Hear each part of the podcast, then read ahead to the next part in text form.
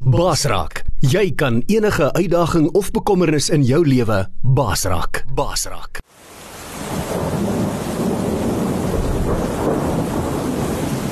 Rubber Roofs is 'n trotse borg van Basraak Radio. Rubber Roofs is die betroubare naam in dakwaterdigting. Ons bekwame spanne waterdigtingskundiges spesialiseer in industriële en residensiële aanwending met selfvertroue gerugsteun deur ons 10 jaar produkwaarborg vir al jou waterdigtingsbehoeftes. Bel die betroubare naam in waterdigting by 087 094 8092 of besoek ons webwerf by www.rubberroofs.co.za. Jy luister na manne van die woord Zoom by einkoms op Basraak Web Radio. Hy goeiemôre julle baie dankie vir die geleentheid wat ek het weer om vanoggend met die manne te gesels. So ek wil vanoggend so dit net so 'n bietjie anders doen soos 'n normale gesels. Uh, ek wil vandag met julle gesels oor die wortel van bitterheid of mens kan sommer sê die gif van bitterheid. Maar ek wil hê julle moet vanoggend nou saam met my deelneem. So ek wil julle nou vanoggend aanstel as sielkundiges. Julle moet nou hierdie ou ek gaan 'n rol rolspel doen en dan moet julle nou identifiseer wat fout is met hierdie persoon en hoe ons hierdie persoon gaan gaan help. Goed, ek gaan begin met die met die rolspel. Julle, ek weet julle het nie geweet wie ek nie. Weet julle wie ek? Ek was ook een van hulle gewees. Maar nêrens in die Bybel lees julle hoe ek geroep is nie. Ek was by, ek het geluister na die getuienis van die ander disippels. Ek het geluister hoe Johannes en Petrus geroep is en Andreas Andreas was 'n visserman gewees. Hy het van Betsaida afgekom. Ja, Andreas was die heel eerste disipel van Jesus gewees. Andreas was eers 'n disipel van Johannes die Doper gewees. En Andreas was die broer van Simon Petrus. En uh Andreas het Jesus gevind en hy hardloop na sy broer Petrus toe en hy sê vir hom Petrus, ek het die Messias gevind en hy het die Messias aan sy broer Petrus gaan voorstel. En Petrus Petrus die broer van Andreas hy was ook 'n visserman gewees. Sy broer het hom na Jesus toe gebring. En Petrus was 'n man sy emosies kon vinnig met hom op hol raak. En hy was 'n man wat lekker kon praat. Hy kon maklik praat. Hy was 'n goeie leier gewees. Hy was 'n sterk leier gewees. En ek het ook geluister hoe Johannes en Jakobus die die vriende van Petrus geroep was. Dit was een sonnige dag. Hulle was besig om daar by hulle pa se bedees te skyk. Was hulle besig om nette reg te maak, om nette uit te spoel toe die meester daar verbykom. Maar hierdie twee manne, Johannes en Jakobus, hierdie twee broers, hierdie twee broers het die mere gehad Hulle was ook vissermanne. Hulle kom van Kapernaum af. Op 'n stadium toe Jesus saam met sy disippels in 'n Samaritaanse dorp was. En die Samaritane wou Jesus nie aanvaar nie. Toe sê hierdie twee broers sommer vir Jesus: "Gebied vuur uit die hemel uit en vir vir vir verbrand hulle somme." En toe word hulle genoem die seuns van donder. Seuns van Bioneres. So uh, uh, so 'n snaakse woord. En uh en van my van my van my Judas ek was ook een van die 12. Maar julle lees nie hoe ek geroep is nie. Dat ek julle vertel wie ek. Dat ek julle vertel waar ek vandaan kom. Ek kom van Kiriot af in die suide van Judea. Ek was 'n seloot gewees. 'n Radikale 'n Jood wat aan 'n Joodse beweging behoort het wat ons was 'n godsdiens politieke groep en ons wou die die die Romeinse verdrukking heeltemal uit uit Israel uit wegkry. Ons was moeg vir hierdie verdrukking van die Romeine. En op 'n dag moes ek gaan na iemand toe met wie ek 'n samesprekings moet doen. En toe ek daar kom om hierdie man te soek, toe hy nie daar nie. En ek begin rondvra waar hierdie man is en hulle sê vir my hy's daar by die berg. En ek loop toe daar aan die berg toe en toe ek daar by die berg kom, toe sien ek daar's honderde mense. En ek en ek sien daar's 'n ou wat besig is om te praat. En ek vra vir die mense, wie is hierdie ou wat hier praat? Hulle sê vir my nee, dis Jesus van Nasaret. En ek gaan nog nader. En ek gaan staan en ek luister. En hierdie Jesus van Nasaret begin praat oor saligsprekinge.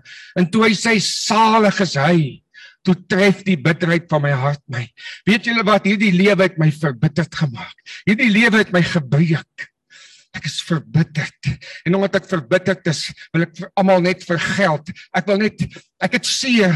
Ek is seer gemaak en omdat ek seer gemaak is, wil ek graag ander net seer maak. Weet jy hy praat toe verder met die saligsprekinge. Hy sê Salig is hy wat arm van gees is. Hy sê dis vergifnis. Hy sê salig is hy wat treur. Hy sê dis vergifnis. Hy sê salig is die wat sagmoedig is. Hy sê dis vergifnis. Hy sê hy sê salig is die wat dors na geregtigheid. Geregtigheid. Wat is geregtigheid? Weet julle wat is geregtigheid vir my Judas. Vir my is geregtigheid 'n oog vir 'n oog en 'n tand vir 'n tand. 'n Klap vir 'n klap en 'n skop vir 'n skop. Dit is wat geregtigheid is. Nou sê julle vir my, hoe bewys 'n mens geregtigheid aan iemand wat jou seer gemaak het? Iemand wat jou vertroue geskenk het. Iemand wat jou verontreg het. Iemand wat jou bedrieg het. Sê vir my, hoe bewys 'n mens geregtigheid aan so iemand? En hy het weer verder gesê, hy sê salig is hulle wat barmhartig is. Sê vir my, hoe bewys ek barmhartigheid aan iemand wat my seer gemaak het? Hoe bewys ek barmhartigheid aan iemand wat my verbitterd gemaak het?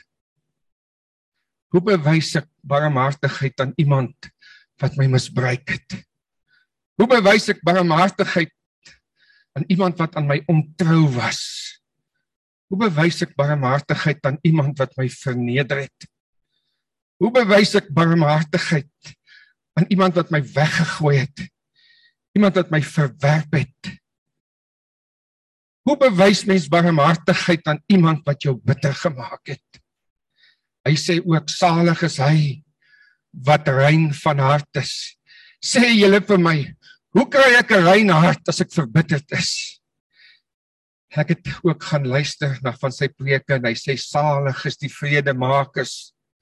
Weet julle male baie male moes ek toe kyk na dit wat mense aan my doen terwyl ek 'n kind was. Dit my pa aan my gedoen het. En ek het bitter geword in my hart en elke keer het ek niemand gehad om na heen te gaan nie. En my ma maar net gesê, toe maar my seun, toe maar my seun en my maat soentjies uitgedeel. Mamma, jou soentjies het niks gehelp vir die bitterheid hier binne in my nie. Gestikkend. Hierdie wêreld het my gebreek. Hierdie wêreld het my bitter gemaak. En ek het ook eendag weer gaan luister toe hy besig was om te praat oor vas en bid. Nou sê julle vir my. Ek wil as Judas vir julle vra. Hoe vas en bid mens tot 'n God wat toegelaat het dat jou lewe vernietig geword het? Dat jy soveel seer moes deurgaan. Dis 'n vraag wat ek Judas wil vra. En vandag is ek seker daar's mense van julle wat weet hoe ek voel. Miskien het julle ook al hierdie dinge deurgegaan. Weet mense sien nie ek in die nag lê en huil nie. Mense sien nie my pyn nie. Mense weet nie wat ek deurgaan nie. Dan sit ek langs julle in die kerk en dan steek jy julle hande op en julle sê haleluja, prys die Here, maar die bitterheid hier binnekant maak my dood. Dit druk my. Dit moer my. En Jesus sê hy sê daar's 'n wortel wat lê. Nie die wortel is besig om te groei. As jy nie iets aan hierdie wortel gaan doen nie, gaan hy jou dooddruk. En hy Jesus haal toe 'n ander skrif aan. Hy sê jy wat jou broer haat, Jy's 'n moordenaar. Moord en woede word gebore uit haat. Hy sê met julle emosies seën julle mekaar. Maar met julle emosies moor julle mekaar ook. Hy sê Israel, julle is die sout van die aarde. Israel, maar julle het laf geword. Israel, julle is verbitter teenoor die ander volke en die Romeine wat julle verdruk. Weet julle wat?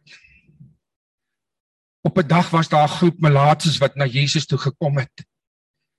En Jesus het hierdie melaatses gesond gemaak. En toe Jesus hierdie melaatses gesond maak, toe sê ek vir myself, maar as Jesus die melaatses kan gesond maak, dan kan hy seker hierdie bitterheid van my ook gesond maak. Ek was by toe Jesus vir Matteus geroep het. En toe Jesus Matteus roep, toe sê ek vir hom, Here, ek wil ook u van een van u sin wees. Maar weet julle wat ek het nie vir Jesus vertel van my bitterheid nie. Ek het hom nie vertel van my seën nie. Want buitendien, wie se saak is dit? Dis my lewe, dis my seer, dis my pyn. Niemand hoef te weet van my seer en my pyn nie. Ek loop al 'n ruk daarmee, so ek gaan nog 'n ruk daarmee loop. Ek was nie eerlik met Jesus gewees nie. En toe ek myself kon kry, toe begin ek die geld steel. Het julle wat? Bestaan en toe kom Maria met 'n kosbare fles nardusolie. En sy kom en sy breek daai albaster fles en sy begin Jesus se voete salf. En ek spring dadelik op en ek probeer haar stop en ek sê vir haar hierdie olie kan verkoop word en die geld kon aangewend word vir die armes. Weet julle wat bitterheid maak my skyn heilig. Ek het niks omgegee vir die armes nie. Ek was net skyn heilig gewees. En Jesus sê ek het 12 gekies. Maar een van julle is 'n duiwel. En toe kom dit by my op. Dis ek. Ek is daardie duiwel. Bitterheid het van my 'n duiwel gemaak. Voor ek myself kon kry toe ek by die priesters. Voor ek myself kon kry toe ek by die geld. Voor ek myself kon kry toe ek in die wêreld. Voor ek myself kon kry toe verkoop ek vir Jesus uit. En toe ek daar in Gets in Stein van Getsemane was, toe ek die soldate gevat het om Jesus te kom arresteer. Weet julle wat ek was verbitter teenoor Jesus. Ek was teleurgestel teenoor Jesus. Want ek het gedink hy gaan ons kom verlos van die verdrukking van hierdie klomp Romeine wat ons so verdruk. Ek was teleurgestel omdat ek teleurgestel was. Was ek kwaad en ek was verbitterd en omdat ek verbitterd was, doen ek dinge wat ek nie wou doen nie. En en ek en ek verraai vir Jesus. En toe jy toe ek vir Jesus daar in die tuin van Getsemane toe kom met 'n soen verraai en hy vir my sê Judas. En toe toe besef ek wat bitterheid het aan my doen. Ek wou hom nie verraai nie maar bitterheid daar's net so ding hy wil net vergelding opwek in jou. Omdat ek seer het wil ek net anders seer maak ek hardloop toe terug na die priesters toe met die 30 silwer stukke en ek sê vir hulle vat terug die geld. Ek het onskuldige bloed verraai Hulle wou dit nie vat nie. En ek het soveel berou gekry, ek het soveel spyt gekry. Ek sê weer vir julle, ek dink doen dinge wat ek nie wil doen nie. En ek het gegaan en ek het my eie lewe geneem. Nou kom ons kyk vanoggend, as ons so na die lewe van Judas kyk, wat kan ons hier by Judas identifiseer? Ek identifiseer by Judas 'n wortel van bitterheid. En dis wat die woord van God vir ons ook sê. Hy sê vir ons in Hebreërs 12 vers 15 as ons hom daar op die skerm sien. Hy sê en pas op dat niemand in die genade van God veragter nie. Sjoe, die woord sê ons kan in die genade van God veragter. Dat geen wortel van bitterheid opskiet en onrus verwek en baie hierdeur besoedel word nie. Dit is so asof bitterheid ons kan dat veragter in die genade van God want ons is uit genade gered. Nie deur werke nie. En dan sê hy ook die onsse Vader Vader vergeef ons ons skulde soos ons ons skuldenaars vergewe. Here die maat waarmee ek vergewe meet my met daardie selfde maat. So met ander woorde as ons met bitterheid sit dan begin ons agterraak in die genade van God. En nou sê hy daar lê 'n wortel Bitterheid maak 'n wortel. Nou wat is die probleem van 'n wortel? 'n Wortel lê onder die grond. Jy kan hom nie sien as hy groei nie. En 'n wortel kan begin by 'n klein saadjie en hy groei en hy groei. En ek het al gesien hoe wortels geboue se fondasies opbreek. hoe wortels tussen klippe ingaan en klippe oopbreek. En dan ook wortels groei tussen ander wortels in. En dit besoedel ander wortels. En dan sê die skrif ook, hy sê dat daar nie 'n wortel van bitterheid opskiet en onrus verwek en baie hierdeur besoedel word nie. En baie keer is daar iemand in die familie. Hy het 'n feete met een van die familielede. En as gevolg van sy bitterheid begin hy die hele familie opsteek. Hierdie familie, daai ou het die familie niks gedoen nie, maar later is hulle almal so teen hom as gevolg van sy bitterheid wat hy so versprei het deur die familie. So dis wat gebeur, bitterheid uh skiet op en dit dit besoedel baie ander. Of ek weet baie keer as daar 'n nuwe ou by die werk begin of 'n nuwe bestuurder dan is daar een ou wat hierdie ou dalk nie van hom hou nie en hy begin stories vertel en hy sê weet jy ek weet hy kom van daai maatskappy af en die mense het daar nie van hom gehou nie want hy's so ou en hy's so ou en hy's so ou en jy ken nie eens hierdie ou nie. Maar daai ou het jou besoedel. En as jy by hierdie ou verbyloop en sê ja, ek weet wie jy is. Ek weet wat se mens jy is. So dis wat een ou se bitterheid doen. Dit besoedel 'n hele klomp ander mense. Nou, so wat dink julle kon Judas se bitterheid veroorsaak het? So dit kan wees dat Judas het uh het gevoel dat uh hy uitgesluit is. Want nêrens word daar melding gemaak hoe hy as disipel geroep is nie. Daar word melding gemaak hoe die ander disippels geroep is, maar nie hy nie. So dit kon 'n gevoel van bitterheid by hom geskep het voordat hy's uitgesluit. En ons sien ook dat Judas was die tesourier. En ons weet in vandag se terme is 'n tesourier een van die dagbestuurposisies. So dis redelik een van die kernposisies uh, in 'n in 'n in 'n organisasie. En hier kom Judas en hy word uitgesluit. Ons sien toe Jesus na die huis van uh uh um Jairus se dogtertjie toe hy Jairus se dogtertjie toe gaan toe sy dood was. Toe vat hy net vir Petrus, Johannes en Jakobus in die binnekamer in. En hy maak die deur toe en hy bid daar en hy wek uit die dood uit op. Judas was nie by nie. Judas was nie genooi om saam te kom nie. En ook op die berg waar Jesus verheerlik was, het Jesus net weer vir Jakobus, Johannes en vir Petrus saamgevat. So dit kon gemaak het dat hy gevoel het maar ek is deel van die bestuurspan ek is deel van die dagbestuur maar ek word uitgestoot. Ek is nie belangrik genoeg nie. So en hy het verwerping ervaar. Hy het gevoel ek is nie goed genoeg nie. En die goed kon bitterheid in sy hart geskep het. En dan sien ons ook uit geskiedenis uit dat uh sy familie was almal selote geweest dit was 'n radikale Joodse godsdienstpolitieke groep wat die Romeine wou uit uit uit Israel uit. So hy was was verbitterd geweest teenoor die Romeine, teenoor die verdrukking en dis hoekom hy wou gehad het Jesus moes hulle kom verlos van hierdie Romeinse verdrukking. En dan sien ons ook hy was teleurgesteld in Jesus. Hy het gedink dat Jesus hierdie een gaan wees wat hulle kan kom verlos. En toe hy sien dat Jesus is nie die ou wat hulle gaan kom verlos uit uit die Romeinse mag nie, het hy bitter geword. Het hy teleurgesteld geword. En sy teleurgesteldheid het kon hom bitter gemaak het. En dan ook pyn uit sy kinderdae het ek het so 'n bietjie in iets ingeskep van hoe die lewe hom bitter gemaak het. So hy kon bitter geword het om te sien hoe word sy ouers behandel deur die Romeinse ryk. Hy kon gesien het hoe word hulle uitgestoot dat daar nie gelykheid is nie in dat die Romeinse kinders voordeel trek by hom en ha, hy was onreg aangedoen deur familie of iets. So dit alles kon bitterheid in sy lewe geskep het. En dan Judas se bitterheid het skade aan sy verhoudings gedoen. En sy bitterheid het gemaak dat hy vergeld het. Net mos as ons kwaad is, dan wil ons vergeld. En dan sien ons ook dat Judas se bitterheid, hy het seer gekry dit het hom bitter gemaak. En iemand wat seer het, maak seer. Jy sal baie keer kry dat mense, jy sal soms sien wat is wees bitter mense. Hulle is geneig om opvleend te wees, geneig om ander mense seer te maak. Omdat hulle seer het, maak hulle seer en dis wat bitterheid ook doen. Nou dit het ook uiteindelik veroorsaak dat hy iets onverantwoordeliks gedoen het. Dat hy gegaan het om sy lewe te neem.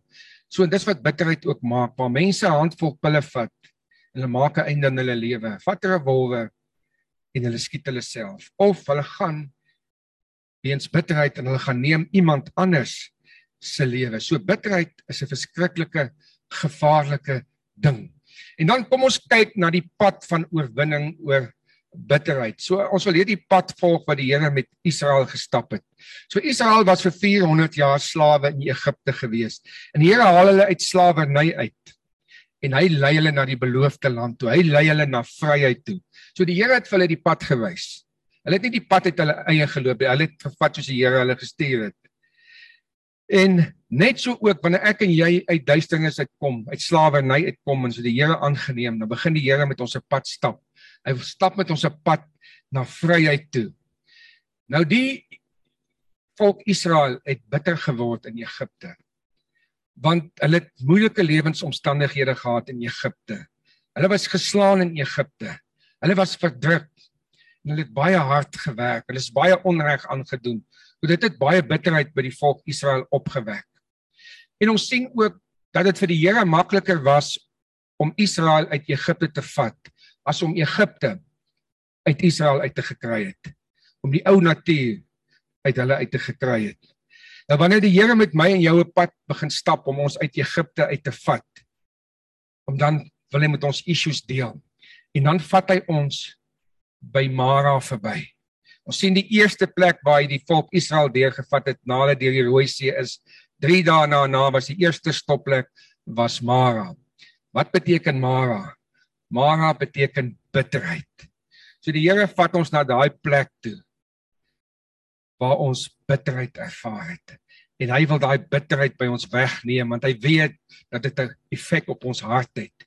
En dan sê hy ook in Spreuke 4 vers 23.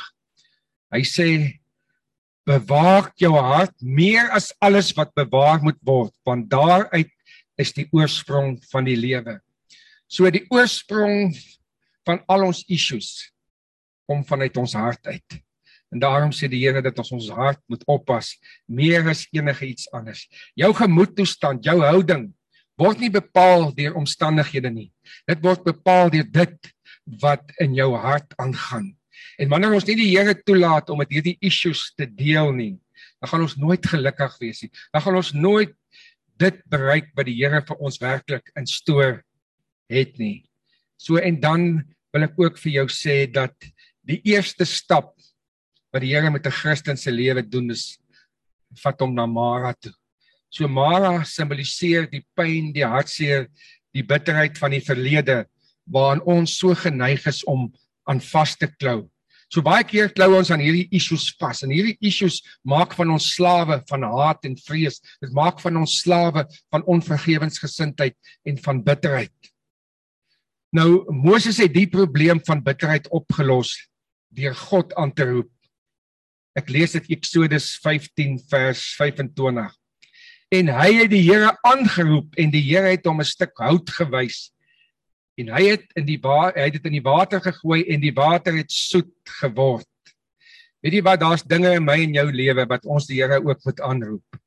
Dat ons begin besef van vroegs af dat ons die Here kan aanroep met elke dingetjie in ons lewe of dit groot of dit klein is. Nou gouer ons die Here aanroep, hoe minder sal hierdie dinge hou vas op ons lewe hê. Nou hierdie stuk hout wat Moses in die water gegooi het, is simboliek van die kruisiging van Jesus Christus. So die Israeliete het gestop by hierdie plek van bitterheid, hierdie plek wat hulle van binne verteer het, hierdie ding wat hulle van binne af opgeëet het. En Moses vra vir die Here. Hy sê Here, wat gaan ek doen om hierdie bitterheid weg te kry? En die Here sê vir hom, gaan na die kruis toe want die kruis, die hout wat hy ingegooi het, is simbool van die kruis. Gaan na die kruis toe en hierdie bitterheid sal soet word. En net so in my en jou lewe ook, waar ons by ons bitterheid kom, moet ons na die kruis toe gaan. Ons moet na Jesus toe gaan. Dis hy wat hierdie bitterheid in ons harte verander na soet water, na lewende water. Dit wat ons verfris en dit wat ons gesond hou. Nou as jy nie bitterheid van ontslaa raak nie, gaan bitterheid jou vergiftig. So baie keer dan dink ons as ek iets teen iemand hou, hou ek hierdie ou in gevangenskap. Maar wanneer jy daai ou die dag vergewe, dan kom jy agter maar ek was al die tyd die gevangene. Dit is soos om gif te drink en te hoop iemand anders gaan dood. Dit is soos om suur te hou in 'n houer. Na ruk dan brand daai houer weg weens daai suur. En dis wat bitterheid doen. Bitterheid brand te mense drome weg. Dit dit dit brand jou lewenslus weg. Dit dit brand verhoudings weg. Dit brand sommer jou persoonlikheid ook weg. 'n Mens se persoonlikheid verander ook sommer wanneer 'n mens bitter is. So mense wat by Mara bly en wat nie vir die Here wil vra om hulle water soet te maak nie, is besig om hulle elke dag bietjie vir bietjie te vergiftig. Het jy al voedselvergiftiging gehad? As jy voedselvergiftiging gehad het, sal jy agterkom dat jou liggaam pap is. Jou liggaam het nie energie nie. Jy het lus vir niks nie. En net so, iemand wat sit met geweldige bitterheid, daardie persoon het nooit niks lus vir die lewe nie. Daardie persoon het nie energie. Hy het nie hy sien nie God se hand bewerk nie. Hy raak nie opgewonde oor dit wat die wat die Here doen nie. Hoekom nie? Nie omdat die Here nie daar is vir hom nie, nie omdat die Here nie goed is vir hom nie, omdat hy elke dag besig is om bietjie bietjies vir bietjies gif te drink en homself siek te maak. Eksodus 15 vers 26b sê die Here, want ek is die Here jou God wat gesond maak. Nou die Here openbaar hom vir die eerste keer as die Here wat gesond maak by Mara. Nadat die bitterwater soet geword het. So en vandag nog is daar mense wat die Here aangryp. Wat die Here by die Here smeek vir genesing en dit wat die Here in die woestyn gedoen het, doen hy vandag nog. Vandag nog openbaar hy hom as die God wat genees. Nou baie mense wil nie vryspreek nie, want hulle dink as hulle iemand vryspreek, dan gaan geregtigheid nooit geskied nie. En uh vergifnis beteken nie om die skuldige onskuldig te verklaar nie, maar net om jouself los te maak, om jouself nie te vergiftig nie. So as ons iets teen iemand het, as ons bitterheid in ons lewe het, moet ons 'n keuse maak om daardie persoon te vergewe. Soos ek wat ek sê, wat jou wat jou bitterheid soet maak is die kruis. So kyk heeltyd na die kruis en as jy na die kruis kyk, dan sien jy, maar ek is vergewe. En daarom kan ek vergewe. Ek is van baie sondes vergewe. So daarom kan ek die bietjie wat teen my gepleeg is, kan ek vrylaat. So want bitterheid gaan ons doodmaak. So wat is vergifnis? Nou vergifnis is 'n proses wat begin in jou gedagtes. Jy begin dit bedink. En dan begin hierdie gedagtes oorgaan na jou emosies toe. En jou emosies begin om jou wil te inspireer. En wanneer jou wil daai wilsbesluit maak, dit is wanneer die genesende krag van God in werking kom. Ek moet daai keuse maak. Maar weet jy wat ek en jy kan nie uit ons eie uit vryspreek nie. Ons het die Here nodig. Maar deur Christus Jesus is ek tot alles in staat. So hy help my om vry te spreek. Onthou julle Josef toe hy in Egipte weggevoer was as 'n slaaf. Hy was verbitter teenoor sy broers dat hulle hom weggevoer het en hom verkoop het en hulle het sy klere geskeur en toe kom hy in Egipte en Potifar koop hom en Potifar se vrou vind hom aantreklik en sy uh wil by hom gaan lê en hy wil nie en hy breek weg en sy beskuldig hom en hy gaan onregverdig tronk toe bitterheid wat in sy hart is al hierdie onreg wat hom aangedoen ja hy was baie onreg aangedoen toe hy in Egipte was En in Egipte het van twee kinders het hy het die Here van twee kinders gegee. En toe die eerste kind gebore word, toe noem hy hom Manasse. Toe vra die mense vir hom nou wat beteken Manasse? Toe sê hy die Here het my gehelp om al die onreg wat my aangedoen is te vergeet. So die Here het hom gehelp om die onreg te vergeet. En toe word daar 'n tweede kind gebore wat Efraim genoem word. Toe vra die mense van wat beteken Efraim? Toe sê die Here het my geseën in die land van my ellende. En dis hoe die Here ons eers by bitterheid verbyvat by die plek waar ons genesing ontvang. Dan gaan ons oor en ons kry 'n Efraim 'n plek waar die Here ons seën in ons ellende. So daarom wil ek ook net vir jou sê, weet ons moenie toelaat dat bitterheid ons doodmaak nie. Dit is soos ons gesien het met Judas se lewe ook. So bitterheid is 'n verskriklike 'n ding wat wat die hart beïnvloed en dit wat in die hart aangaan, is dit hoe jy die lewe ervaar. As die lewe 'n bitter lewe is, as jy bitterheid in jou hart het, is die lewe bitter en die lewe is onaangenaam, die lewe is nie plesierig nie. En dis nie die lewe wat die Here vir ons instoor gehad het nie. So jy moet eers geboorte gee aan 'n Manasse. En dan gaan jy uitkom by 'n Efraim. So die Here wil hê dat ons genees. Dat ons genesing moet kry. So en daarom wil ek vandag net as ons 'n bietjie musiek so rukkie speel net gaan sit voor die Here En net vandag as daar iemand is, vra die Heilige Gees om jou te wys. Net van baie keer of daar iemand is wat jy nog nie vergewe het nie. Baie keer dan sien ek 'n ou en ek sê, ek like nie hierdie ou se gesig nie. Hy het my nog niks gedoen nie. Maar ek like sy gesig nie want hy laat my dink aan iemand wat my verontreg het jare terug. Soos ek daai ou se gesig nie like nie, moet ek weet daar's iemand wat my onreg aangedoen het want hierdie ou het my niks gedoen nie, maar nou like ek nie sy gesig nie. Of as jy iets sien, dan dan wek dit woede hier binne en jy moet jy weet dit dit jy's nog nie jy's nog nie vry. Daai gif is nog nie uit jou uit nie. Daai gif is besig. Jy's elke dag besig nog om bietjie gif meer en meer gif te drink solank jy by Mara bly. So die Here wil jou vat na na na op 'n plek waar waar die Here jou laat vergeet van al die ongeregtigheid wat jou aangedoen is. Nou wil hy jou vat na oorvloed en seëninge in die land van jou ellende. Daar waar jy pyn veroorsaak het, daar wil hy vir jou voorspoed gee.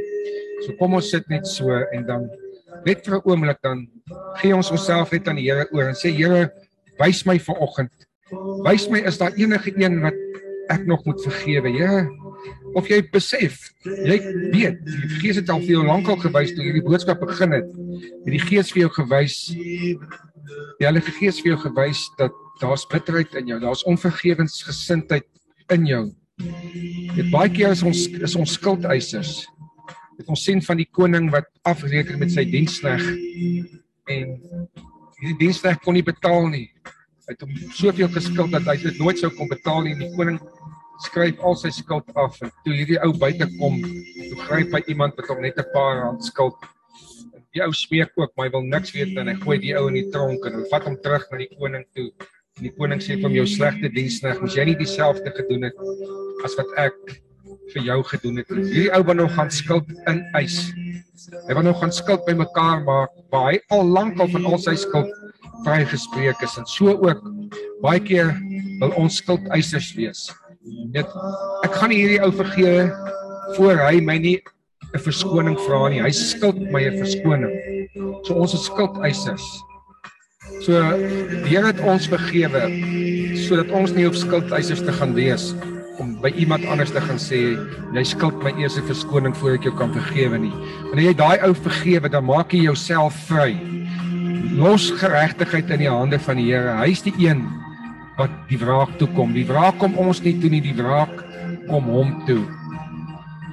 So kom ons gee ons vanoggend net oor aan die Here. Hemelse Vader. Dankie dat ons weet dat ons onsself net na die kruis kan wend. Here, soos daardie stomp wat Moses daardie dag in die spruit by Mara gegooi het wat die water soet gemaak het. Weet ons so ook dat ons die kruis van Jesus Christus aanwend in ons bitterheid en ons bitterfonteine.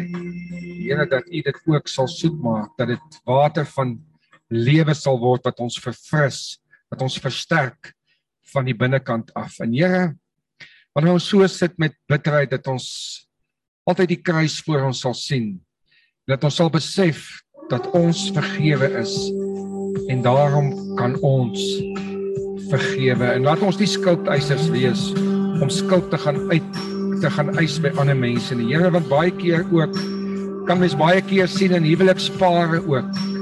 Is dit asof die of so asof hulle lipse geniepse gesteenoor mekaar. Here, daar's daar's 'n sarkasme teenoor mekaar. Sulke grappies wat meer sarkasme is.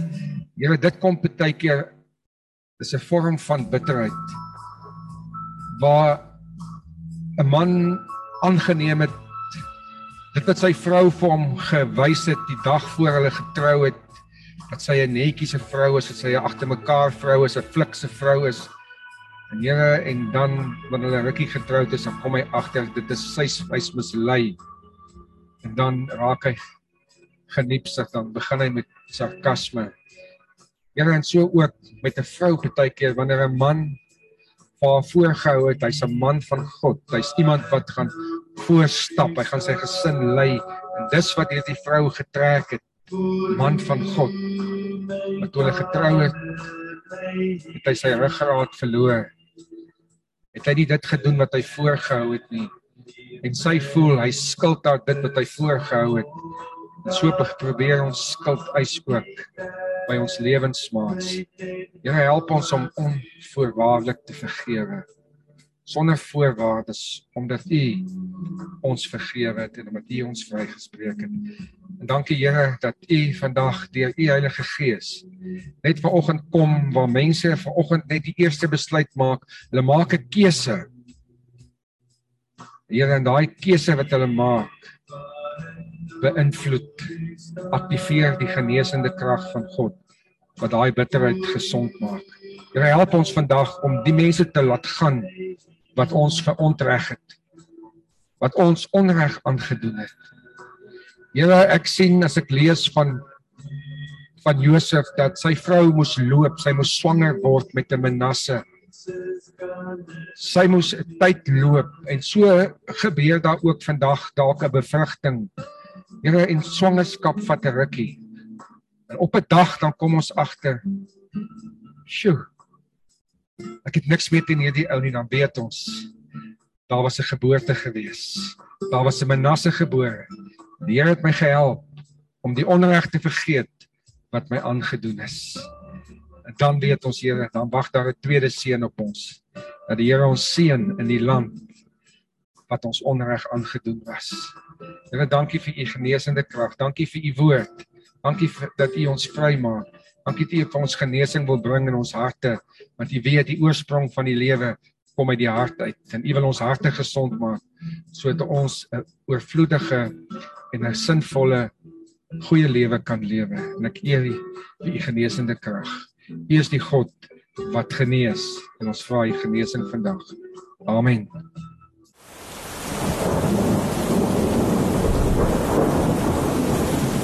Rubberhoofs is 'n trotse borg van Basraak Radio. Rubberhoofs is die betroubare naam in dakwaterdigting. Ons bekwame spanne waterdigtingskundiges spesialiseer in industriële en residensiële aanwending met selfvertroue gerugsteun deur ons 10 jaar produkwaarborg vir al jou waterdigtingsbehoeftes. Bel die betroubare naam in waterdigting by 087 094 8092 of besoek ons webwerf by www.rubberroofs.co.za.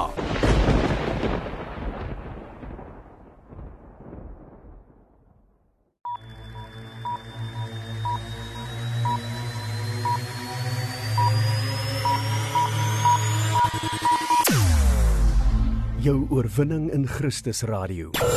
Basraak web radio.